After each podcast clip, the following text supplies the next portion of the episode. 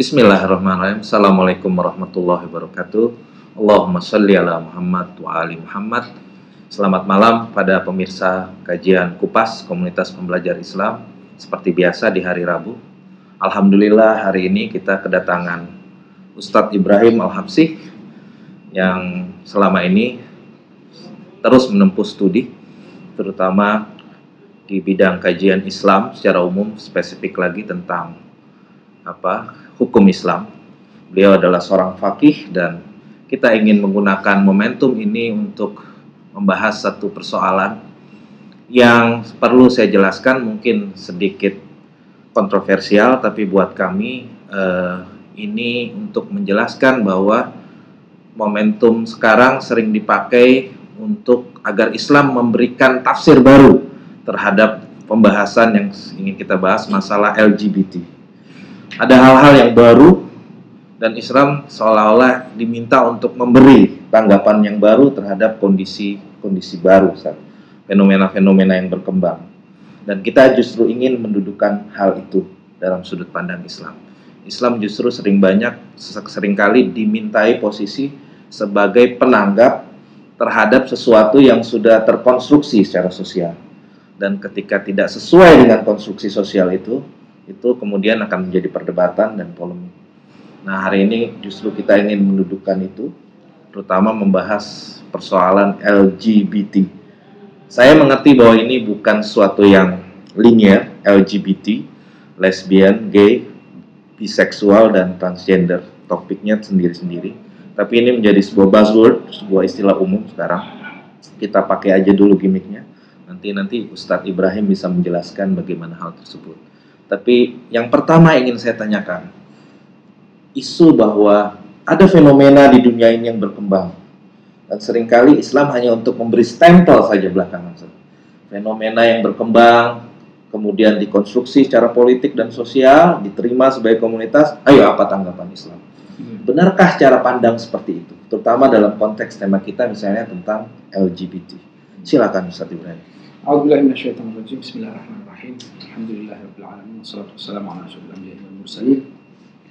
حبيب إله العالمين أبي القاسم المصطفى محمد اللهم صل على وعلى محمد وعلى أهل بيته الطيبين الطاهرين المعصومين وعلى أصحابه المنتجبين سيما بقية الله في الأرض من تراب المكتوبين فداء ورضي الله عن الصحابة الأخيار المنتجبين رب اشرح لي صدري ويسر لي أمري واحلل عقدة من لساني يفقهوا قولي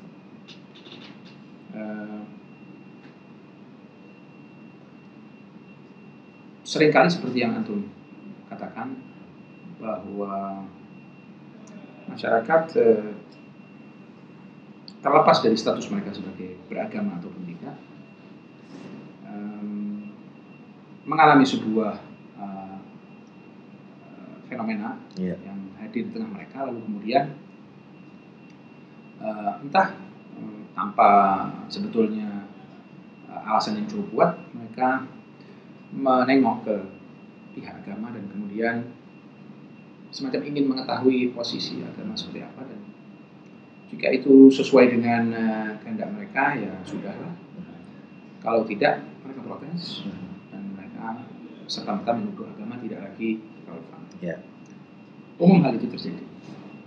Nah sebelum kita uh, masuk kepada kasus yang tertentu ini kalau memang yeah. uh, perlu nanti tapi ada masalah yang lebih penting daripada uh, masalah ini secara yeah. uh, spesifik, yaitu sebetulnya apa itu posisi agama di tengah masyarakat. Tengah masyarakat.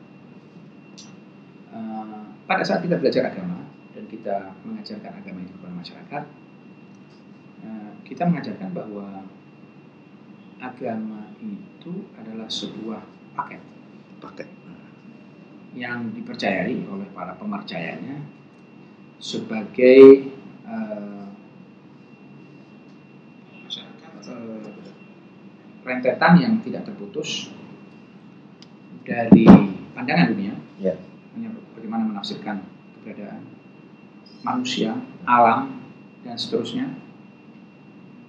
Maksud kami secara lebih spesifik bahwa uh, akan dibuktikan secara logis maupun secara filosofis bahwa alam itu adalah konsekuensi dari sebuah pihak yang disebut dengan pencipta atau kemudian sifat-sifat Tuhan tersebut dan bagaimana dia bersikap dengan manusia dan uh, setelah pandangan dunia yang seperti itu ada dua konsekuensi. Pandangan dunia ini bisa disebut akidah. Iya, pandangan dunia itu adalah bangunan yang kemudian kita percayai. Ya. Uh, sebagai uh, penafsiran terhadap alam. Mhm. Ya. Intinya ada Tuhan, ada Ya. putusan Tuhan, ada pemimpin-pemimpin, dan kemudian ada kehidupan setelah kematian itu. Konstruksi sederhananya seperti Ya. itu. Nah, pandangan dunia yang semacam ini akan memiliki konsekuensi. Konsekuensi pertama adalah konsekuensi praktis. Jadi, karena demikian, karena kita mempercayai seperti itu, karena itu terbukti uh, secara logis, uh, maka akan ada efeknya terhadap tindakan. Tidak bisa kita melakukan hmm, apa saja yang kita inginkan. Tidak bisa kita melihat apa saja yang kita inginkan, tidak bisa kita makan apa saja yang kita inginkan.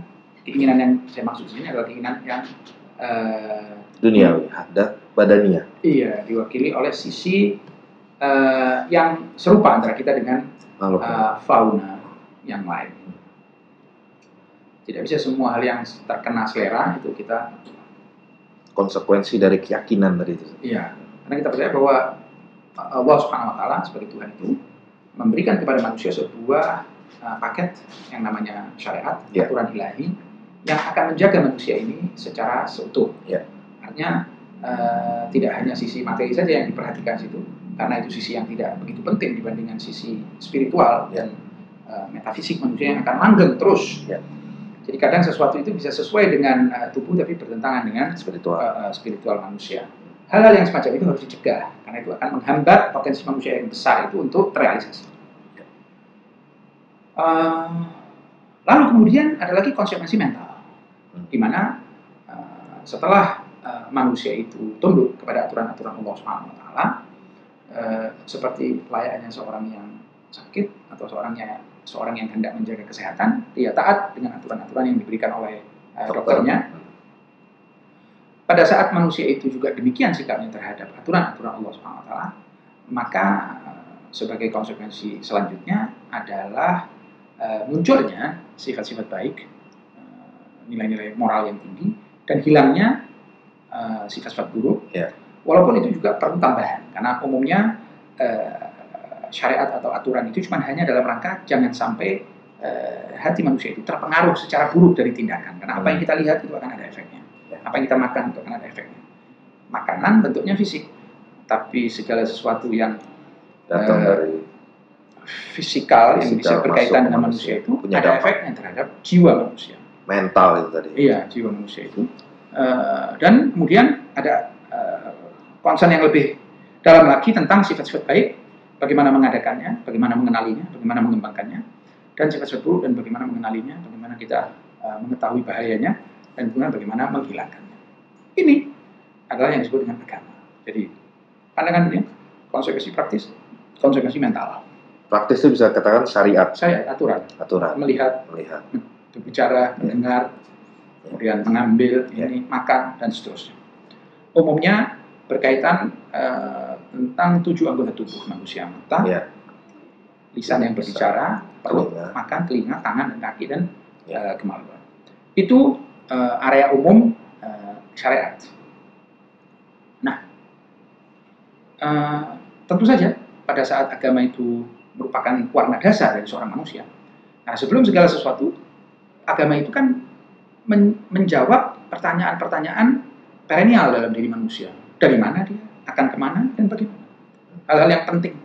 Jadi manusia itu tidak punya eh, eksistensi atau identitas apa pun sebelum dia Mengenal. uh, me- merujuk kepada pertanyaan-pertanyaan ini. dasar. So, kalau dia mulai tidak peduli dengan pertanyaan-pertanyaan itu, maka dia uh, untuk mengaktualisasikan diri sebagai manusia itu susah. Ya. Akhirnya aktualisasi dia hanya pada level-level yang di bawah itu, yang tidak diridhoi oleh Allah Subhanahu wa taala. Maka warna dasar ini kemudian uh, all encompassing. Jadi dia Mencakup semua. seluruh aspek kehidupan Hmm. berdasarkan aturan-aturan Allah Subhanahu wa taala yang umumnya adalah kita kenal dengan hukum yang lima. Ada wajib, ada haram, harus dilaksanakan, harus ditinggalkan, makruh, sunnah atau mustahab, sebaiknya ditinggalkan, sebaiknya dilaksanakan dan mubah. Tentu saja uh, manusia memiliki uh, pilihan itu pada saat berkaitan tentang tiga hal ini. Makruh masih masih hmm. boleh, mustahab boleh ditinggalkan, mubah bebas. bebas. Tetapi dalam dua hal ini haram, haram, halal uh, itu uh, sudah merupakan pelanggaran terhadap fakta yang uh, kita uh, berikan pada awal sebagai konsekuensi bagi kita adalah ciptaan, kita adalah hamba, maka apa pun itu, dan itu juga kembalinya kepada diri kita sendiri dan seterusnya. Sehingga kalau kita lihat uh, ajaran agama itu uh, hanya sebagian saja yang berkaitan tentang pencapaian-pencapaian uh, umat manusia. Jadi uh, tidak menunggu persetujuan dari masyarakat lingkaran lingkaran lingkaran ilmiah iya, iya, iya. untuk untuk menjadi iya atau menjadi tidak iya. itu terlebih dahulu gitu uh, karena kita tahu persis khususnya kalau kita bicara tentang uh, metode saintifik iya. metode saintifik itu bisa berubah-berubah hari ini bagus hari ini itu tergantung agama tidak bisa dinilai dengan itu uh, bisa dinilai dengan nilai-nilai logis murni sesuatu yang mustahil sesuatu yang uh, tidak mungkin secara logis ya agama pasti tidak akan gitu. Artinya tidak ter, ter, ter, terjebak kepada sesuatu yang irasional atau yeah. illogical, tidak. Tetapi belum tentu ditemukan saat ini kaitannya itu isu okay, itu boleh jadi memang uh, kalau kita perhatikan sebetulnya datangnya syariat ini Nabi membawa paket itu justru karena manusia belum bisa sampai ke situ. Justru karena manusia belum bisa sampai, justru karena manusia itu uh, masih masih susah untuk menafsirkan segala fenomena, fenomena dengan detailnya ini untuk dikembalikan kepada nilai-nilai besar. Perlu pembimbing untuk mengatakan bahwa kamu kan suka keadilan. Nah keadilan itu di sini demikian bukan yang itu. Kamu suka kesempurnaan. Kesempurnaan itu demikian. Kamu suka hmm. karena memang fitrah semua sama yeah. kamu suka kenikmatan nah kenikmatan itu bukan yang ini ini memang mungkin kenikmatan untuk tapi bencananya lebih besar oke okay. di situ panduan ya Satya Iya. Karena manusia tadi. Dan sebagaimana dokter, Rasul, utusan Tuhan itu untuk ditaati. Bukan untuk dijadikan panelis. Betul. Nanti kemudian kita tawar-tawar lagi. Kenapa? Karena kalau mau menawar-nawar, tawar-tawarlah di dasar-dasar. La ikroha fiddin, itu maksudnya coba diskusikan sebaik mungkin dasar-dasarnya. Jadi Anda pada saat Apakah kedokteran itu sesuatu yang perlu? Nah, coba diskusikan sekuat tenaga dari diskusi. Tapi pada saat sudah disimpulkan, ya kan? Oh, Dan mungkin sebagian tidak, tidak percaya. Tapi pada saat seseorang sudah percaya kepada kedokteran, kemudian juga dia telah verifikasi bahwa pribadi ini adalah dokter yang ahli, ya, dapat dipercaya, nah, keahliannya akan digunakan untuk kepentingan saya, bukan kepentingan dia, misalnya. Setelah itu sudah tidak ada lagi maknanya. Kalau kita berdebat masalah kenapa percaya atau tidak. Dari mana? Siapa bilang? Anda kan manusia, saya juga manusia. Dan mari kita diskusikan. Tidak demikian. Hmm. Karena itu akan merupakan sebuah kesalahan epistemis. Yeah. Di mana sesuatu yang sudah seharusnya selesai sebelumnya diperkarakan setelah kemudian. Jadi kita susah payah mencari mencari guru gitu kan untuk mengajarkan kita ekonomi. Pada saat dia mengajarkan kita, kita perdebatkan kenapa kita harus ikut Walaupun panduan-panduan utama manusia adalah logika memang. Sesuatu kalau tidak sesuai dengan logika, dengan makna yang sesungguhnya. Karena sering kali kita mendengar atau uh, menggunakan kata logis, sementara maksudnya bukan logis, maksudnya itu umum. Seperti misalnya katanya nggak logis kalau manusia itu bisa jalan dari sini ke misalnya kota. Bukan itu maksudnya logika. Logika itu uh, hukum-hukum matematis, filosofis yang seperti itu yang mengikuti uh, sistem yang cukup uh, ketat di dalam menemukan apa yang mustahil dan apa yang bukan, apa yang mungkin dan apa yang mustahil. Tidak ada itu mustahil kemudian berubah dan seterusnya. Nah di sana memang, tapi setelah itu semuanya memang kalau memang sesuatu itu hanya karena kita tidak cukup, itu tidak bisa kita uh, tolak. Nah, uh, sekarang kita mau kembali kepada persoalan-persoalan Hmm. Apa maksudnya? Bagaimana posisi agama tentang isu misalnya kebebasan wanita misalnya? kebebasan hak pilih, kebebasan pendapat. Orientasi Dan- seksual. Misalnya sekarang disebut dengan apa yang disebut dengan orientasi seksual atau preferensi seksual atau seperti itu. Ini kita harus dulu. dulu. Anda yang ingin bertanya ini, siapakah Anda? Se- Sebab boleh jadi setiap pertanyaan itu kalau dilontarkan oleh pihak tertentu jawabannya bisa lain walaupun pertanyaannya sama. Sama. Motivasinya yang jadi masalah Ustaz atau bagaimana? Ba- Background pertanyaan. Background pertanyaannya. Eh, seorang misalnya engineer pada saat kita tanya atau dia bertanya apa itu jawabannya harus sesuai dengan keengineeran sementara Hmm. anak kecil tanya apa itu Berbeda jawab kalau kita asumsikan bahwa dia adalah orang yang percaya Tuhan percaya aturan percaya percaya maka jelas posisi agama itu bisa dilihat dari aturan-aturan Ya.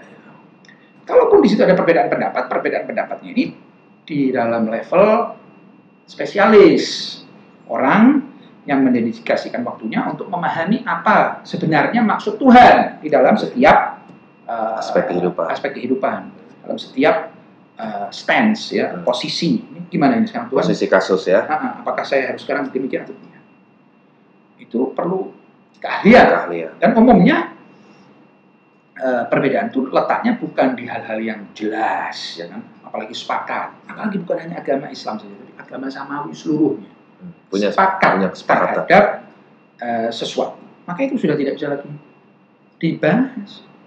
Jadi itu seperti orang kesiangan gitu. Muslim percaya semuanya lalu kemudian menanya, apa maksudnya? Kecuali Anda ingin mengadakan telaah Ya. bahtul masail. Anda harus punya persyaratan. Anda harus tahu harus tahu. Jadi supaya ilmiah itu jadinya. Harus ada risetnya, harus ada datanya. Pembicaraannya pun pembicaraannya Terukur, ya. ilmiah, Ya. bukan orang awam terus kemudian sedikit tahu tentang bahasa Arab, sedikit tahu tentang hukum, sedikit tahu tentang sejarah, terus kemudian mau menggabungkan ini semua, terus mau mengeluarkan pendapat dia, Ya. me- his take atau dia pendapat dia dan versi dia tentang Islam tidak Ya, demikian. Tentu saja itu itu sama seperti saya tiba-tiba masuk baca dua tiga kitab kimia terus mau mengeluarkan sebuah eh, apa namanya Pendapat. pendapat yang revolusioner tentang bahwa misalnya karbon itu harusnya baik atau jelek. Nah, terdengar eh, eh, lucu Hmm. bagi mereka yang ahli, gitu Iya. kan? Nampak sekali bahwa orang ini tidak tahu kalau dia tidak tahu Iya. akibatnya. Adapun kalau mereka yang "Nah, saya sih bukan beragama, saya cuma mau tahu pendapat agama seperti apa. Ya, kalau dia tidak tahu, eh, dia tidak beragama, sebaiknya dia eh, rasa ingin tahu dia itu dia kerahkan kepada dasar-dasarnya. Dasar-dasarnya dulu. Iya, sehingga dia mengambil posisi. Kalau setelah dia uh, apa namanya merujuk kepada masalah-masalah mendasar agama dan dia lihat ternyata agama itu omong kosong, Hmm. tidak ada itu. Maka buat apa kemudian hari dia mau tahu pendapat Tiba-tiba agama Masuk tentang masalah yang ini? Silahkan sibuk dengan yang penting saja, karena agama sudah terbukti kok itu. Tidak ada. Jadi uh, saya juga tidak tahu itu.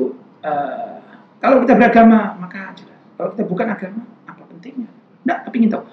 Kalau ingin tahu tentang agama, silahkan kok uh, pastikan posisi anda terhadap dasar-dasar agama itu. Baru kemudian turunannya. Tuhan gimana ada? Ah. Oke. Tuhan membiarkan kita begini saja atau memberi aturan? Situ letaknya. Iya. Lihat di sana seperti apa. Putusan Tuhan gimana? Sudah terverifikasi. Kemudian kalau sudah lama nabinya kan sekarang gimana? Apa jalurnya terbuka atau tidak? Itu dikaji. Sehingga pada saat sampai kepada hukum-hukum sudah tidak lagi perlu setiap masalah itu. Setiap masalah dibahas. Iya. Tadi karena ada bagian yang paling penting tentang ketaatan Iya. dalam Karena itu kan eh, kita sudah merupakan konsekuensinya itu. Ini ajaran Tuhan. Dan Tapi diinginkan itu ketaatan dalam rangka kebaikan diri kita sendiri karena keterbatasan pemahaman manusia tentang dirinya. Jadi memang ini mungkin masalah manusia modern yang antroposentrik, Ustaz, ya. Dia selalu akan mencari, sebenarnya ingin mendapatkan pembenaran terhadap apa yang diyakini dan ingin mencari tahu agama cocok nggak dengan kepentingan atau pendapat atau pendirian dia tentang Hmm. suatu masalah. ya. Hmm. Ini mungkin fenomena manusia modern. Akhirnya masalah-masalah partikular kemudian dihadap-hadapkan bagaimana pendapat agama tentang fenomena modern yang sekarang kita sepakati misalnya seperti ini. Ada pun tentang masalah modernitas. Iya. Ada yang eh, ingin saya sampaikan bahwa sebetulnya agama itu juga eh, senternya adalah manusia, senternya adalah akal. Jadi Ya. eh, dan kita meyakini dalam agama bahwa akal manusia itu akan menyampaikan dia kepada Tuhan. Begitu. Jadi bukan sesuatu yang Akal akan Bermusuhan. bersesuaian dengan ya dia akan menyampaikan manusia. Tuhan ya, Akal itu akan menyampaikan manusia kepada Tuhan dan kepada syariat. kepada syariat. Ya. Sama seperti akal kita akan menyampaikan kita kepada keharusan adanya dokter, keharusan adanya ahli Oke. dalam bidang arsitektur, dalam bidang lawyer, dalam bidang kesehatan, dalam bidang bedah dan lain sebagainya. Itu yang- fitrah Ustaz, ya, Ya, dalam diri manusia. Iya. Bahwa dengan akalnya saja sebenarnya dia akan sampai. akan sampai. Hmm. Nah, tetapi yang tidak benar adalah kemudian kita mau akal kita selalu yang menjadi rujukan. Enggak, akal sendiri itu bijak dia. Iya. Dia akan pada suatu saat memberikan mandat kepada pihak yang lain yang sudah terverifikasi, kan Iya. gitu kan? Oke. S- Saya sebagai orang yang tidak tahu di bidang ini, akal saya mengatakan silahkan serahkan masalah ini kepada orang yang ahli seperti itu. Jadi sebetulnya kalau antropo kita mau terjemahkan sebagai manusia, Manusia. agama pun manusia sentris sebetulnya. Manusia sentris. Jadi Gitu. sebuah ikhwal yang sangat manusia. manusia. Kita mengklaim dalam agama bahwa kalau manusia tidak peduli dengan pertanyaan-pertanyaan besar di dalam dirinya, itu dia akan turun derajatnya dari manusia. Justru dia akan turun. Ya, misalnya kita tahu kan sepakat bahwa manusia itu suka kebutuhan, eh, suka eh, keuntungan dan benci dengan kerugian. Kerugian. Bagaimana manusia yang begini kemudian bisa acuh tak acuh terhadap eh, berita sejumlah manusia yang tidak terkenal sebagai orang pembohong? Hanya mungkin kita nggak senang, nggak selera. Ya ini kan harus kita kaji, nggak bukan berarti harus diterima langsung, Betul. harus dikaji. Jangan acuh. Setelah anda mengkaji, nanti kemudian anda lihat ternyata ini semua adalah kebohongan. Silakan, move on. Ternyata benar, maka ada konsekuensinya. Hmm. Begitu. Lihat. Ada pun tentang modernitas. Modernitas. Eh, kita di dalam eh, masalah-masalah keagamaan itu fokus utama adalah pada masalah-masalah spiritual. Hmm. Walaupun bukan berarti Mas- sama sekali tidak punya wacana tentang hal-hal fisikal, hal-hal jasmani, tidak. Tapi sebetulnya fokusnya adalah spiritual. fokus itu adalah spiritual. Bisa dibantu. Fokus- Spiritual tuh pengertian dasarnya apa yang lebih mudah? Ya, Pada- hal yang kita sebut Anda, saya. Saya. Kalau ini adalah tangan saya. Bahwa ada Ya, hal bukan saya kan ini kan? Iya. Bukan saya. Artinya kalau tangan ini lepas, sayanya tetap Ada saya. hal lain selain urusan raga Ustaz ya. Iya. Ada sesuatu yang lebih, ada sesuatu yang eh, transcendental. tadi. Transcendental. Yang benar-benar membedakan dia dengan binatang. Binatang. Itu kita sebut dengan fitrah. Fitrah. Ya. Itu spiritual. Itu yang kita maksud spiritual dan fokus kepada alam, Alam akhirat. akhirat. Bahwa kehidupan ini adalah sementara. Sementara. Harus digunakan, penting dalam rangka untuk itu. Tapi Mencapai. kalau dengan sendirinya saja dia tidak punya signifikansi. Ya. Kemudian kita saksikan bahwa problem-problem spiritual umat manusia pernah benar-benar mengalami lonjakan. Hmm. Apa Tidak yang dimaksud dengan problem-problem spiritual? Jadi kalau kita saksikan sejarah umat manusia Hmm. dari mulai awal sampai sekarang, problem-problem spiritual manusia itu belum pernah maju, masih Hmm. berhenti di tempat. Ya itu itu saja. Iya, iya. Sementara pencapaian manusia di dalam eh, keleluasaan hidup, fasilitas hidup, Hmm. itu kita lihat luar biasa ya kan. Hmm. Kita lihat penemuan-penemuan, kita lihat eh, istilahnya eh, Capaian peradaban ya, teknologi. capaian teknologi segala macam itu luar biasa. lonjakan. Tetapi problem Spiritual. manusia itu masih jadi eh, persoalan iri itu dari dulu sampai Dari dulu sekarang. sampai sekarang. Nah. Tamak, arogan, Arab- nama semua arogan. Ada Takut. penindas yang tertindas juga Takut. sama. Takut. begitu-begitu saja. Eh, kebodohan yang membuat dia melihat hanya jangka pendek dan seterusnya. Sehingga saya juga jadi eh, heran dengan orang-orang yang merasa mereka itu baru, padahal sebetulnya lama. Agama dalam ingin mengangkat manusia dari kondisi semacam itu kepada kondisi-kondisi yang lebih baik. Hanya saja manusia belum menunjukkan itu. Mhm. Sehingga kalau kita minta agama punya solusi baru, itu tidak tepat karena problemnya masih problem Masih lama. problem lama. Belum ada Hanya anggur anggur dengan kemasan yang baru ya. Old one with the new package katanya Nah, orang. misalnya kalau kita eh, istilahnya ya tipuan kan, kita tetap aja ada hasad ya, kisah Eh, Abel sama Cain, Habil, Betul. sama Habil, tempatnya aja yang masih berubah. tetap sampai sekarang itu kita saksikan begitu di mana ada Ya. hasad kemudian ingin dan seterusnya. Maka sebetulnya eh, agak salah orang kalau melihat eh, mungkin ya itu karena terpengaruh oleh eh, materialisme. Jadi ya. menilai segala sesuatu dengan materi. Akibatnya dia kira kalau kita sudah punya iPad atau kita sudah punya supersonic Hmm. atau kita sudah punya misalnya eh, ya pencapaian-pencapaian modern saat ini dan lain sebagainya berarti problem-problem kita juga sudah berubah, Berubah. secara manusiawi padahal enggak padahal tidak sehingga tetap aja kita di masa-masa Masalah-masalah itu. jadi kalau kita saksikan sejarah itu masih seperti itu Iya. oleh sebab itu eh, sebetulnya juga kita saksikan agama masih sangat relevan malah banyak sekali yang belum di Banyak hal yang berulang bahkan belum jadi belum tuntas dipahami. Be- beberapa kali dalam Al-Quran itu eh, ayat-ayat Al-Quran berkata kalau manusia itu merubah saja caranya kalau manusia itu sedikit saja mau maju sedikit saja Hmm. itu akan ada hal-hal baru Iya, iya. Akan ada pencapaian-pencapaian. Karena kita tidak bergerak dari kelas 1 bukan berarti nggak ada kelas 2, kelas 3 Iya, iya. Tapi karena memang kita masih itu jadi kita belum punya gambaran terhadap bagaimana itu kalau manusia itu satu sama yang lain hidup dengan eh, panduan aturan agama yang mereka terima yang mereka tahu ketahui itu. Pencapaiannya dan percepatannya wallahu alam belum pernah dicoba masih. Tetapi kita punya eh, kita punya janji ilahi bahwa ujung-ujungnya nanti bumi ini akan eh, diisi oleh manusia-manusia yang soleh akan diwarisi oleh oleh orang-orang yang soleh dan kehidupan dunia itu akan sangat berbeda dengan Ya. kenyataan dewasa ini ataupun dari zaman dahulu di mana kezaliman, pembangkangan dan Ya. seterusnya. Saya masuk ke penjelasan itu tadi sangat bagus untuk mengantarkan kita kepada hal-hal yang lebih partikular gitu ya. Sebelum kita masuk ke mendudukan masalah orientasi seksual, mungkin saya ingin bertanya dulu, sebenarnya relasi adanya pria dan perempuan yang berbeda ini dalam Islam seperti apa? Hmm. Sebelum kita masuk pada topik kita tadi masalah orientasi seksual, saling mengandaikan bahwa relasi predikat laki-laki dan perempuan yang berbeda ini kan ini relasi yang saling membutuhkan bagian dari regenerasi dan lain sebagainya ya Eh, sehingga kemudian ketika ada pilihan orientasi seksual yang sejenis atau seperti apa secara filosofis bagaimana itu menjelaskannya dalam sudut pandang Islam Ustaz?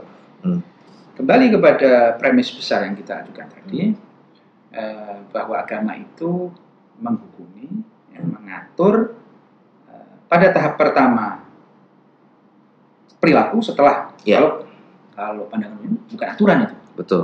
pandangan dunia itu bisa kita anggap sebagai prelude terhadap agama. Karena tanpa pandangan dunia itu Anda tidak bisa beragama. Betul. Anda kalau tidak percaya Tuhan, Anda tidak akan bisa beragama, ya kan? Maka itu prelude, Dasarnya, prerequisite. Nah, jadi itu Syarat. madkhal Hmm. atau prolog menuju agama. Kepercayaan-kepercayaan. Agama dimulai pada saat pada level aturan. Oke. Pada saat aturan-aturan itu Hmm. eh, kita laksanakan. Kita siap secara garis besar untuk mengikuti semua aturan Allah taala. Termasuk yang di eh, gubris oleh agama itu adalah masalah eh, seksualitas Seksualitas dan relasi Dan- pria dan perempuan. dan bagaimana Hmm. memanage libido sebagai sebuah kebutuhan sekaligus sumber kenikmatan sekaligus macam-macam fungsinya. Eh,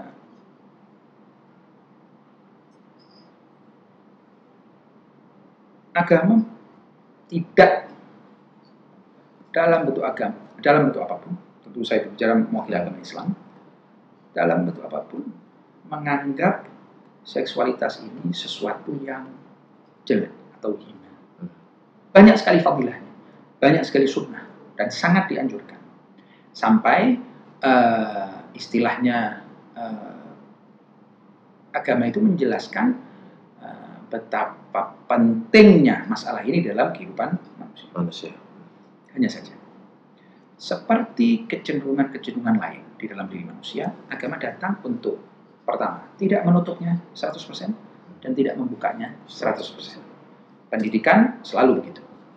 Anda tidak bisa dikatakan mendidik kalau Anda menutup dan Anda tidak bisa memberi Anda tidak akan bisa disebut pendidik jika Anda membuka, Membuka tidak tanpa kendali, tidak juga tertutup. Tutup.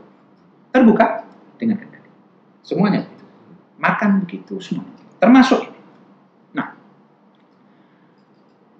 sudut pandang agama tentang seksualitas itu panjang kalau kita mau bahas Betul. banyak aspeknya. Ini sekarang eh, datang beberapa hal di benak saya. Hmm. Tapi yang penting sekali kita eh, ingat adalah bahwa penting. Menurut agama itu sesuatu yang penting. Sedemikian pentingnya sehingga agama itu eh, concern terhadap masalah ini tidak sedikit, Tidak sedikit. tidak sedikit. Eh, ada eh, bisa dikatakan eh, batasan yang cukup eh, komprehensif dan Masalah seksualitas. sampai-sampai agama itu ya kita bicara umum dulu eh,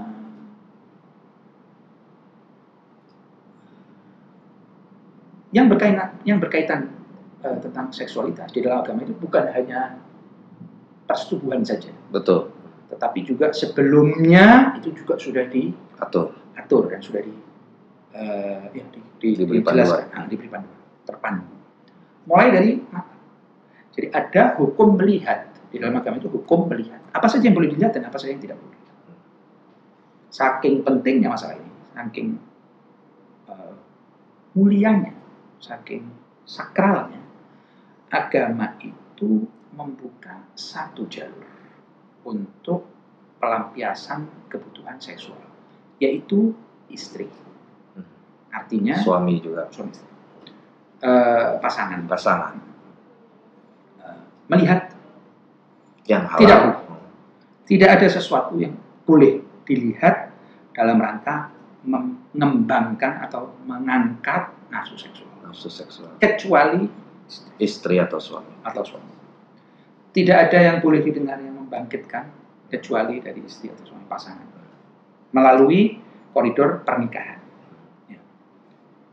Eh, kemudian perkataan itu juga tidak boleh mengatakan sesuatu yang Mendorong yang mendorong- Nafsu seksual. intinya. Tidak boleh kita melakukan sesuatu dalam rangka untuk membangkitkan gairah seksual kecuali melalui jalur Pernikahan. pernikahan. Tetapi pada batas pernikahan itu hampir tidak ada batas. Semuanya halal. Semuanya halal. Semuanya halal. Hampir tidak ada batas. Hampir tidak ada batas. Di mana apa pun itu di sana sesuai dengan pasangan itu bukan saja nggak apa-apa, tapi dianjurkan. Encourage bahkan ya. Jadi maksudnya agama itu seksualitas jangan muncul jalanan, Iya. jangan terbuka. Itu karena penting sekali, pengaruhnya besar di manusia itu. Ada banyak kecemasan, ada banyak kekecewaan, di situ ada susah. Hidupnya manusia jadi susah. Justru disucikan. Ya? Iya, makanya dimasukkan ke dalam level keluarga di dalam. Tadi hukum kelihatan kita sudah Betul. bicara, hukum berpakaian. Hukum berpakaian itu bukan keseluruhan, tapi sebagian besarnya mengenai seksualitas. Hmm. Ada memang pakaian tidak boleh bukan karena itu membangkitkan, tapi karena sesuatu yang lain, Betul. tidak cocok, tidak pantas dan sebagainya. Tetapi di dalam rangka itu memang agama mengatur itu dalam rangka untuk supaya pada saat lelaki atau wanita tampil di publik itu dia tampil sebagai manusia, tidak membawa jenis kelaminnya, tidak membawa sesuatu yang ber- eh, memiliki fungsi seksual. Hmm. Jadi dari sana agama itu. Oke. berbicara. Nah, terus kemudian eh, ini salah satu sisi, betul? Dari sisi lain kita lihat bahwa manusia itu memang pada saat diciptakan bukan sebagai produk yang matang. Bagaimana Hmm. maksudnya matang? Ah, ah. Jadi eh, Allah Subhanahu Wa Taala menciptakan manusia itu sebagai makhluk yang mulia karena potensinya luar biasa, Hmm. bukan karena teraktual dia sebagai mak- makhluk Oke. biasa. Dia punya potensi yang luar biasa. Potensi ini harus dia kembangkan sedemikian rupa sehingga bisa. Kalau tidak bencana. Oke. Di situ maksudnya matang. Ah, ah. Jadi Dia matang ketika sudah aktual, sudah aktual, sudah terdidik terdidik, istilahnya. Seperti sebuah mineral yang masuk treatment, ya kan? betul. Setelah itu baru dia menjadi sesuatu yang berharga dan sesuatu yang luar biasa untuk alam semesta ini. Tetapi kalau tidak terselewengkan, masuk ke jalur sana sini, dia bisa sangat berbahaya. Oleh sebab itu, manusia punya kecenderungan kecenderungan kecenderungan dalam dirinya yang harus dilawan oleh manusia itu sendiri. Kalau dia taat kepada aturan Iya. agama. Ini kalau dia sebagai seorang yang beragama, kalau tidak kembali. Kembali Jangan di sini kita berbicaranya. Benar nggak itu Tuhan itu ada segala macam. Lihat kembali ke pokok dulu. Jangan di sini, kalau di sini terlalu re- repot kita tiba-tiba mengetok pintu seseorang, terus kemudian kita memprotes kenapa dia memberi obatnya. Panjang sebelumnya. Masuk ke bab satu dulu lah ya, Iya. kalau baca buku. Ya, jadi begitu. Biar manfaat. Jadi ini pandangan agama bahwa kecenderungan itu ada. Orang bisa jadi punya kecenderungan untuk membunuh lebih daripada orang lain. Orang bisa jadi punya kecenderungan untuk sesuatu yang menyeleweng. Tetapi agama mengajarkan dia untuk mengendalikan. Ada orang punya kecenderungan untuk eh, takut lebih daripada yang lain. Nah kita harus lawan. Sebagaimana ada kecenderungan untuk menyukai yang sejenis. Iya. Kecenderungan ini mungkin ada. Saya tidak tahu. Mungkin ada. Karena satu dan lain faktor. Mungkin faktor eksternal juga. Betul. Mungkin juga masih ada di dalam. Lingkungan. Saya tidak tahu. Yang penting, karena kita tidak mau masuk ke Iya. eh, masalah psikologis. Iya. Tapi posisi agama adalah bahwa kalau Anda misalnya, Punya maaf, maaf, punya kecenderungan membunuh. Banyak ada itu. Mungkin nggak banyak, tapi ada. Menyakiti orang membunuh. Demen, hobi. Terus Masokis. Gimana itu? Sadis misalnya. Atau yang lain. Melukai orang. Atau merampok. Atau menindas. Demen melihat orang itu yang lemah itu tertindas misalnya. Gimana posisi kita? Silahkan, itu dibiarkan gitu. Hmm. Nggak bisa. Agama punya aturan bahwa nggak boleh. Itu Anda harus kekang. Kekang, kontrol. Ke- Kekang di level ini dan di level sebelumnya. Anda harus renungkan dulu kan. Bahwa itu tindakan yang tidak baik. Dan ini, dan ini. Menurut aturan agama melalui prosedurnya sampai kepada batas di mana Anda walaupun berat tapi Anda di situ nanti memohon pertolongan dari Allah SWT untuk ada atau tidak adanya kecenderungan itu itu belum masuk wilayah agama. Kecenderungan saja belum masuk wilayah Oh. agama. Agama mengatur perilaku. Ketika sudah aktual, terlampiaskan, baru agama punya aturan. Enggak, aturan agama mulai pada saat itu ingin teraktualisasi. Ingin saja. Ah, jadi mulai dari melihat Dari mata, Gitu kan. dari lisannya, Dan itu sudah masuk. dan seterusnya. Terus plus kita harus ingatkan bahwa hubungan suami istri itu dalam agama hanya untuk lelaki dan Perempuan. saja. Ya, gitu. Eh, kita mau protes, ya, boleh saja karena itu juga biasa. Tapi kita kan katakan bahwa ini, ini berdasarkan alfabet yang harus diawali dari sana, nggak bisa langsung begini. Hanya Agama sendiri punya penjelasan yang alamiah yang bisa diterima secara akal kan terkait dengan bagaimana dia mengatur sesuatu hal kan Ustaz ya? Eh, tidak terlalu, tidak, Tidak selalu, terlalu, tidak selalu, ya. Ada yang iya, kadang tidak. Kadang tidak. Misalnya tentang relasi perempuan dan laki-laki yang saling membutuhkan yang menjadi alasan mengapa keduanya ini penting Mm-mm. dan mengapa misalnya pernikahan sejenis secara filosofis misalnya Mm-mm. punya masalah karena tadi dia bertabrakan atau keluar dari relasi perempuan dan laki-laki sebagai pemberi dan Hmm. penerima yang kita dibutuhkan. kita cuma temukan yang garis-garis besarnya saja bahwa besar yang ini semua tidak maslahat kepada tidak maslahat. Ini akan me- memasukkan manusia eh, kepada tempat di mana dia akan eh, menderita nantinya. Oke. Dan ini bukan hanya kehidupan dunia saja kita bicara Kehidupan ah, ah, alam berikutnya. di situ Di letak. situ letaknya. Nah, jadi Tidak harus detail punya alasan yang alamiah dan Nah. rasional ketika syariat karena apa? mengaturnya. Karena panjang belum tentu juga kita bisa menerima. Belum tentu belum tentu juga juga kita bisa juga- memahami kan gitu kan. Eh, jadi agama itu eh, dan satu lagi ketaatan itu sendiri kan juga punya nilai. Persis. Nah, Jadi agama itu melihat bahwa ketaatan kepada yang maha kuasa itu sendiri ada nilai. Berbeda dengan sepakat. kan? Iya. Saya boleh sepakat dengan Anda, boleh tidak sepakat. Tapi ketaatan itu selalu datang dari ketidaksepakatan. Kalau sepakat, nggak ada ketaatan. Iya, gitu iya. kan? Ketaatan itu artinya apa mau engkau mendahulukan kehendak satu pihak dari kehendak kita. Ketaatan itu di situ. toh. Kalau sama-sama punya kehendak yang sama, sepakat. Itu kesepakatan namanya. Ya kan? Beda. Nah, ketaatan itu sendiri penting. Jadi Allah Ta'ala terkadang menyuruh manusia untuk taat, baru kemudian penafsirannya datang kemudian. Kemudian. Seperti misalnya Nabi Musa, begini dulu, baru nanti penafsirannya di belakang. Karena apa? Karena ketaatan itu ada harganya. Bagaimana manusia itu menundukkan kehendaknya untuk kehendak yang lebih Lebih besar, kehendak Tuhan yang lebih mengerti dan sebagai bentuk terima kasih dan seterusnya. Jadi eh, hal semacam ini eh, adalah prinsip di dalam prinsip. agama. Ini bukan sesuatu yang bisa kita tawar sebagai orang beragama. Karena ini bukan saja agama bukan saja agama, sejarah umat manusia eh, punya begitu tentang masalah ini. Hmm. Dan saya pikir itu bukan sesuatu yang susah untuk dimengerti. Iya. Saya misalnya dari dalam punya kecenderungan tertentu. Ya saya tidak boleh serta merta mendahulukan apa yang ini. Saya sebagai orang yang beragama, mestinya saya tahu bahwa ini Harus Tidak di- dikontrol, dikekang. Iya, dan itu caranya dengan mudah, bukan dengan mudah maksudnya. Tetapi kalau kita eh, pagari libido itu dari mata, dari telinga, dari perkataan, maka bagaimanapun juga yang namanya kecenderungan itu bisa menurun, dia berkurang. Tapi kalau eh, mau kita lawan se- setelah semuanya ini kita eh, rangsang gitu kan, Iya. tiba-tiba kita suruh berhenti di satu tempat itu kayaknya susah ini agama bilang "Wala taqrabuz zina jadi jangan mendekati. Ada ada batasan-batasan dari Allah. Pakaian hukum pakaian hukum melihat itu semua adalah pagar agama dalam rangka supaya manusia itu tidak Justru itu membuat itu privat dan mulia Ustaz ya. Iya. Dampaknya. Iya. Bukan terumbar ke Ah, publik sehingga tidak akibatnya lagi. akibatnya manusia itu terus menerus dia itu Iya. itu kelemahan sebetulnya Iya. manusia itu perlu seksualitas tapi tidak bisa hidup selalu di dalam Urusan itu.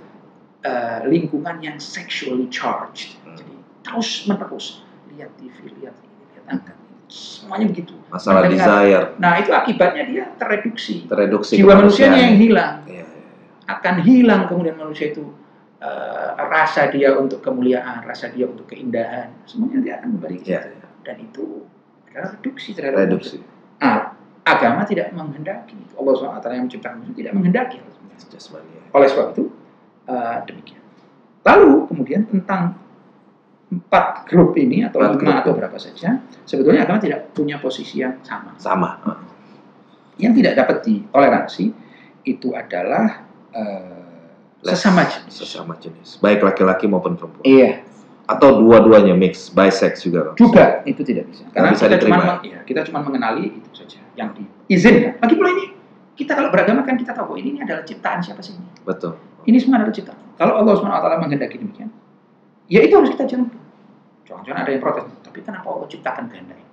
Kehendak itu diciptakan. Kecenderungan maksud saya. Kecenderungan itu. Kenapa ada kecenderungan ini pada diri saya? Ah, Bukan. Untuk karena Untuk, untuk engkau menjadi sesuatu yang lebih baik. betul. Sama orang punya kecenderungan untuk makan nggak selesai-selesai. Betul atau tidak? Apakah itu harus dilanjutkan? Buang makan, makan lagi, buang makan. Tadi seperti kecenderungan untuk membunuh atau menyakiti orang lain. Yang halal saja. Kecenderungan untuk makan. Betul. Yang maka yang halal Seringkali- aja saja. Seringkali, sering kali ini kalau ini sih pengalaman. Iya. Seringkali kita menemukan orang makan sudah penuh, sudah kenyang, masih kepingin makan. Di situlah sebenarnya. Apakah itu di, di situ kita mau protes? Kenapa Allah SWT ciptakan ini? Kan rasa ingin makan? makan terus kalau memang dia tidak ingin. Ya enggak. Dia ciptakan begitu, tidak lalu kemudian dia biarkan. Kan ini kan proses. Iya. Ada itu, kamu bisa tundukkan atau tidak. Kamu bisa kuasakan akalmu terhadap hawa nafsu itu atau tidak. Sebab kamu manusia. Iya. Kalau binatang memang nggak punya akal, dia bakal makan sampai secukupnya. Iya. Terbatas. Tapi kalau kita enggak. Syahwat kita, kehendak kita, hawa nafsu kita. Potensinya Daya hancur kita juga begitu. Mhm. Luar biasa. Makanya perlu di supaya ini semuanya akan masuk kepada jalur yang dikehendaki oleh Allah SWT. Seperti itu sebabnya. kekangnya gimana tuh Ustaz? Kita kan juga perlu Ah, dapat gambaran benar. sedikit nih bagaimana menjadi muslim yang taat dengan mengontrol, mengekang kita mengenal konsep yang namanya riyad. riyado ya. Artinya itu eh, exercise. Exercise. Di mana kita dengan cara-cara tertentu yang ada di tempatnya eh, bagaimana mengekang kecenderungan buruk dan mengadakan. Jadi dan itu juga sebetulnya kemenangan Hmm. pada saat kita mendahulukan akal, akal kita kita daripada daripada hawa nafsu yang buta dan liar itu. Iya. Itu ada kelezatan sendiri sebetulnya. Penaklukan juga ya buat manusia. pada saat misalnya orang marah. Misalnya kita mendengar cerita dari Imam Ali bin Abi Thalib pada saat perang di tengah-tengah peperangan musuh meludahi muka. Dia malah membunuh. Tanya, bukannya alasan harusnya malah lebih untuk Membunuh, membunuh. menghabisi. Saya ini membunuh karena kehendak Allah. Hmm. Kalau dia ini takutnya Karena amarah. amarah. saya libatkan sesuatu dan itu tidak lagi menjadi sesuatu yang murni. Keindahan kemurnian melebihi segala-galanya. Maka dia mundur. Ya. Nah, yang yang demikian demikian itu yang Kita, itu kita ya. bilang sebagai eh, bentuk eh, akhir daripada pendidikan manusia. Di mana potensi-potensi manusia yang beragam ini semuanya di bawah naungan akal yang terdidik oleh eh, ajaran Allah Subhanahu wa taala. Adapun tentang T atau transseksual Transseksual, transgender. ini sepengetahuan saya bukan kecenderungan seksual, Iya, tapi identitas gender. identitas gender. Di mana seorang merasa dia itu gender yang sebelah sana, kan gitu. Dan ini proses eh, secara psikologis dan lain sebagainya setelah semuanya agama memperbolehkan yang namanya operasi kelamin. Itu bukan sesuatu yang dilarang. Jadi perempuan yang merasa eh, identitasnya sebenarnya lebih banyak maskulinitasnya bisa memilih gender mana yang pada iya tentunya dengan proses ya, Dengan yang proses. akhirnya tidak merusak gitu kan. Hmm. Jangan sampai ini seperti misalnya menghan- menghancurkan sesuatu melalui proses yang mungkin perlu Hmm. eh, agak tenang ya tidak tergesa-gesa karena kita juga sempat menemukan ada orang yang pindah kemudian Pindah, pindah, pindah. lagi karena merasa proses terlalu cepat ya. jadi eh, ada cerita lanjutannya ini Oke. gitu kan Tapi itu diperbolehkan pada prinsipnya. yang jelas itu diperbolehkan itu tidak bertentangan ya, itu Pindah. tidak bertentangan tentang aturan agama mana pun Gitu. tidak Bahkan ada kalau larangan. dia operasi kelamin dan lain Iya. sebagainya. Eh, tidak ada larangan dan kemudian dia masuk kepada eh, Pilihan mengambil gender. ya bagian gender itu dan dia jalan hukum-hukumnya hukum karena kita kan di dalam Iya. agama itu beda hukumnya laki dan perempuan itu beda betul. memang karena memang posisi mereka juga berbeda gitu Iya. kita tidak eh, percaya dengan bahwa mereka itu semua sama semua sama. Tidak. jelas perbedaan jelas makanya eh, agama juga memberi role itu memberi peran-peran Iya. yang sesuai hukum bajunya beda dan lain sebagainya walaupun ujung-ujungnya sama tujuan besarnya sama ketakwaannya sama sebagai manusia mereka itu sama Iya. dan seterusnya tapi peran sosial lah yang membuat Mereka itu berbeda. harus berbeda. Nah, seperti itu itu tentang eh, orientasi seksual.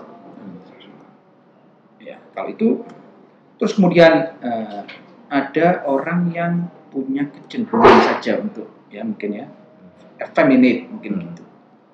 Eh, ya dia selama tidak melanggar aturan-aturan agama yang lain dia merupakan salah satu dari warga negara tidak ada masalah sama Tidak sekali. masalah ya. Tidak. Hak-haknya terjaga, tidak boleh dihina, tidak boleh di Tidak boleh diintimidasi dan Iya. dipersekusi. Ya, Hak hidup dia Iya. Tetap terjaga. Jaga. Dia seperti biasanya. Iya. Tidak boleh kita menyakiti hati orang. Iya. Nah, itu hukum agama. Itu komakro. Bahkan kalau dia sebenarnya telah melanggar syariat Oh. Kalau melanggar syariat, itu nanti ada aturan-aturan yang berkaitan. berkaitan. Tapi kita tidak boleh mengambil hak seolah-olah punya hak untuk menyakiti dia. Karena ada mekanismenya kan. Orang Ah. melanggar syariat tuh gimana? Itu gitu. maksud itu. Ah, ah. Ya, jadi gini. Kadang-kadang ada kasus, misalnya contoh kasus ya, diketahui diusir dari kampungnya Iya. hanya karena orientasi seksualnya beda. Gitu. Iya. Bukan begitu agama menyelesaikan masalah. Eh, orientasi seksual seperti apa? Kalau misalnya eh, sama seperti orang sakit gitu kan, mungkin eh, masyarakat itu ya kita nggak tahu, kita tidak bisa juga judge bahwa itu mungkin mempengaruhi ya kan, itu kan bukan hanya karena orientasi seksual, tapi karena tindakan tertentu misalnya, oh iya, betul. karena kalangan, itu interaksi sosial, itu Betul, bukan karena betul. dia sendiri hidup. Bet- betul. Kalau kita bayangkan dia hidup Betul. sendiri di kamar, di rumah sendiri, tidak ada orang tahu tentang hal itu, Privat itu kan. Maka tidak bisa kita bayangkan bahwa mereka mengusirnya. Betul. Mereka mengusir itu melalui Pasti proses. alasan-alasan, ada interaksi. nah itu tidak bisa langsung kita hukumi bahwa mereka yang salah ini salah. Itu Betul. terlalu menyederhanakan. Kita lihat dulu seperti apa. Ya, ya, ya. Ya, itu bisa jadi terjadi dan bisa jadi punya background yang dengan mudah bisa diselesaikan. Ya, ya, ya. Nah, jadi kita tidak jump untuk mengatakan itu tidak benar, ini benar, tidak bisa. Kita Oke. lihat harus benar-benar kita Kontekstual, Iya, detail apa iya. Jadi eh, seperti itu. Eh, tetapi yang perlu dimengerti adalah bahwa kalau ada hukum-hukum di dalam agama yang berkaitan tentang eh, ya hukum fisik sampai kepada capital punishment pembunuhan itu harus dieksekusi oleh pihak yang bukan semua orang boleh melaksanakannya. Otoritas. Iya, kalau tidak kan chaos. Iya. Saya menemukan orang begini maka saya eksekusi. Tidak ambil bisa. tindakan sendiri. Iya, itu eh, jelas hal semacam itu. Jadi kira-kira itu. Terakhir Ustadz ya, Iya. kita masih punya sekitar lima menit. Masalah status dia seperti orang yang secara syariat telah melanggar karena dia minum minuman keras atau eh, apa mengkonsumsi narkoba begitu juga dengan mereka yang mempraktekkan misalnya hubungan sejenis Mhm. itu status dia sebagai misalnya orang Islam apakah serta merta dia terkeluar telah telah keluar dari Islam atau seperti orang yang tadi Iya. minum khamr dan sebagainya dia telah melanggar syariat tapi kita tidak bisa mengatakan dia sudah keluar dari Islam Iya. Eh, masalah eh, pelanggaran terhadap hukum agama. Eh, umat Islam berbeda pendapat. berbeda pendapat Ya, di sini eh, area perbedaan. Hmm. Sebagian me- menjalani rute ekstrim, di mana semua dosa itu berarti kan melanggar. Sementara yang melanggar hukum Tuhan, mereka adalah orang kafir katanya. Maka itu adalah Hmm. kafir. kafir Cepat prosesnya. Eh, ada kalangan yang mengatakan eh, tidak ada hubungan. Yang penting iman di dalam hati. Ini murjiah, kalangan murjiah. Nurjia Mereka melepaskan jiwa manusia dari tindakan. Ini seperti tidak ada hubungan. selama dia beriman Selama dia beriman, apa pun cukup apa pun yang dia lakukan kita punya pendapat bahwa tidak ini, tidak juga Tidak. itu. Tidak dia itu serta merta kafir, tapi tidak juga kemudian bebas eh, tindakan itu tidak berpengaruh kepada identitas Islam identitas iman. iman dia Adapun secara eh, hukum Islam, sekedar meninggalkan aturan itu tidak menyebabkan dia serta merta keluar dari Islam ya, kafir Islam. Hmm. Akan tetapi ada catatan di mana kalau sesuatu yang dilanggar ini sekaligus menafikan. Jadi bukan hanya tidak sholat, misalnya, Hmm. tapi mengatakan sholat itu nggak nggak wajib. Hmm. Menafikan hukum yang sudah merupakan identitas. Hmm. Kalau itu kita mau cabut, seakan-akan agama ini ada kok ada kurangnya. Hmm. Karena ini sudah merupakan tradisi, tidak ada perbedaan, tidak ada ini kesepakatan, aklamasi dari satu generasi ke generasi yang lain diterima. Bukan 100-200 orang dari 100-200 orang, tapi ribuan orang dari ribuan orang, dari ribuan orang dari ribuan sampai bagian dari dasar sampai, agama sampai era Hmm. zaman eh, legislasi dulu. Hmm. Maka kalau orang ini menentang hukum semacam itu, sambil itu artinya menentang apa yang dibawa oleh Rasulullah, ya nah itu bisa masuk ke kategori keluar itu kafir Sudah, itu sudah mulai bisa dibuka filenya untuk dikaji seperti apa ya gitu kan karena itu nanti seorang hakim yang harus menemukan eh, melihat dan kemudian mengeluarkan apa hukum Keputusan. Nah, keputusan ya. karena ini jadi bukan kalau fatwa, bukan fatwa tapi koror ya. Jadi kalau dia tidak melakukan saja tidak otomatis keluar dari Islam tapi Iya. kalau ada aksi menafikan Iya. nah, itu bisa dikaji Nah, apakah jadi, dia keluar dari Islam kalau seseorang itu melakukan sebuah tindakan yang tidak sesuai Hmm. prosedur islaminya adalah amar bil ma'ruf wa nahi anil munkar artinya bagi pihak-pihak yang melihat akan ada efeknya itu diberitahu diberitahu diberitahu tapi kalau dia terus menerus keras dalam eh, penolakan, Penolakan. penafikan itu bisa sampai kepada pengucilan Hmm. bisa sampai kepada agar dia supaya kembali. Dan itu bentuk persaudaraan. Jadi Oke. itu sama seperti kalau kita melihat orang atau saudara kita mau masuk jurang. Nggak bisa kita cuma kasih tahu saja itu jurang. Tapi harus kita ambil tangannya kita tarik. Iya. gitu. Sebab bisa jadi dia tidak tahu. Kalau tidak tahu tidak bisa dilarang. Kalau tidak tahu harus dikasih tahu. Hmm. setelah tahu setelah jelas benar kan? Kamu tahu enggak betulnya? Jangan. Hmm. itu ah, itu nahi. Nahinya. Kamu tahu ini penting dan harus kan ya. Maka laksanakan. Hmm. begitu. Jadi ada prosedurnya dan semuanya itu seiring dengan akhlak dan kemudian. Jangan di depan orang jangan dirusak. Nama baiknya jangan dihantui Ya. bahkan kita punya hukum haram. Orang itu kalau melakukan sebuah dosa di diam di dalam kondisi privat anda sebarkan di luar. Kita boleh. sebarkan tidak Sudah boleh. boleh. Salah satu dari dosa terbesar itu. Hmm. salah satu dari dosa itu adalah membuka aib seseorang dosa besar ini agama juga ini. Jadi agama yang melarang di sana tadi melarang ini juga. Ya. jangan lupa gitu. Karena ini sebuah paket yang sempurna. Tetapi melalui jalur yang kalau anda sendiri tidak mungkin ada. Nah, boleh anda buka kepada orang yang mungkin nantinya bisa berpengaruh. Iya. bagian dari amar ma'ruf Iya. nahi munkar sebab apa sebab umumnya orang kalau sudah melakukan suatu kejahatan secara terbuka itu artinya dia tidak menemukan sesuatu itu jelek Dia memang Mungkin tidak setuju tidak setuju memang tidak setuju dia dengan itu berbeda Sebab pendapat kalau, sebab kalau tidak ada rasa malu manusia, Iya, itu, iya, iya. manusia itu fitrahnya malu dia akan tidak ingin aibnya yang menurut dia jelek kelihatan. kelihatan oleh lain. Maka dia kalaupun mau melakukan, dan ini bukan munafik, ini namanya malu, Malu. beda gitu kan. Kalau ini mau disebut munafik berarti semua orang harus menjadi naturis, Betul. mutis semua, nggak boleh pakai pakaian Iya, iya. manusia. Kenapa? Karena itu memakai baju itu bentuk munafik. Munafik. Tidak, itu ada yang namanya rasa malu. Manusia itu punya. rasa malu. rasa Jadi dia kadang tahu ini tidak tepat tapi tergelincir. Nah itu nggak boleh disebarkan. Kalau sudah rasa malunya hilang, bisa jadi dia sudahlah orang semua tahu saya begini ya sudah saya lanjutkan. Itu berbahayanya. Salah satu mungkin nah, kenapa tidak boleh disebarkan itu. Tapi kalau manusia itu melakukan sebuah kejahatan dan secara terbuka, maka eh, kehormatan dia yang dia langgar itu tidak bisa kita Mhm. Tutup-tutup itu sudah menjadi sesuatu yang mungkin uh, proses amar ma'ruf nahi munkar bisa berbeda Ya. dengan kalau misalnya dia melakukannya di dalam uh, ruang privat. ruang privat. Baik, terima kasih. Pemirsa, eh, demikian ulasan kita tentang pembahasan terkait dengan tema orientasi seksual, terutama tema tentang LGBT dan bagaimana itu kita dudukkan dalam apa sudut pandang Islam yang tadi telah dijelaskan bahwa itu adalah bagian dari sebelumnya misalnya kita harus memahami tentang pandangan dunia, konsekuensi praktisnya syariat dan akhlaknya. Jadi Ustadz Ibrahim telah membantu kita untuk mendudukan itu secara lebih komprehensif dan saya senang sekali jika teman-teman pemirsa bisa berpartisipasi atau ingin bertanya bisa langsung berkomentar di channel kami di Facebook. Mudah-mudahan kami bisa membantu untuk menjawab jika memang itu relevan. Dan saya terima kasih kepada Ustadz Ibrahim.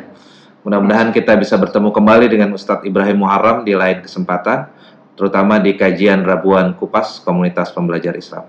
Dari kami terima kasih. Wabillahi taufiq wal hidayah. Wassalamualaikum warahmatullahi wabarakatuh.